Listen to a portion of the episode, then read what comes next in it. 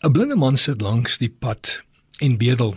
Langs hom is daar so 'n kartonbordjie waarop geskryf is: Ek is blind, help my asseblief. En terwyl die mense daar verbyloop, gee so nou en dan vir hom 'n geldjie. Skielik staan daar iemand voor hom en die blinde man hoor hoe die persoon hierdie kartonboksie optel en hy hoor hoe skryf die persoon op hierdie bordjie. En hy sit die bordjie weer langs die blinde man neer en hy stap net weg. Verbaas was hierdie blinde man toe mense begin geld gee vir hom.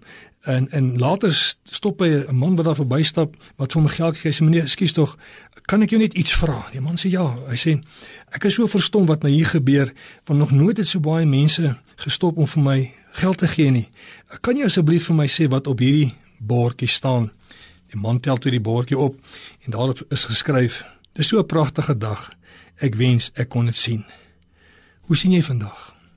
Is jy negatief of sien jy die mooi wat God vir ons geskep het? Die woorde wat jy praat. Spreuke 18:21 Dood en lewe is in die krag van die tong. Hulle wat daarbey betrokke raak, sal die vrugte daarvan pluk. Kom ons tel mekaar op met woorde. Kom ons help mekaar en tel mekaar op om nie altyd iets negatief te sê nie. En onthou, die Here sê vandag ook vir jou.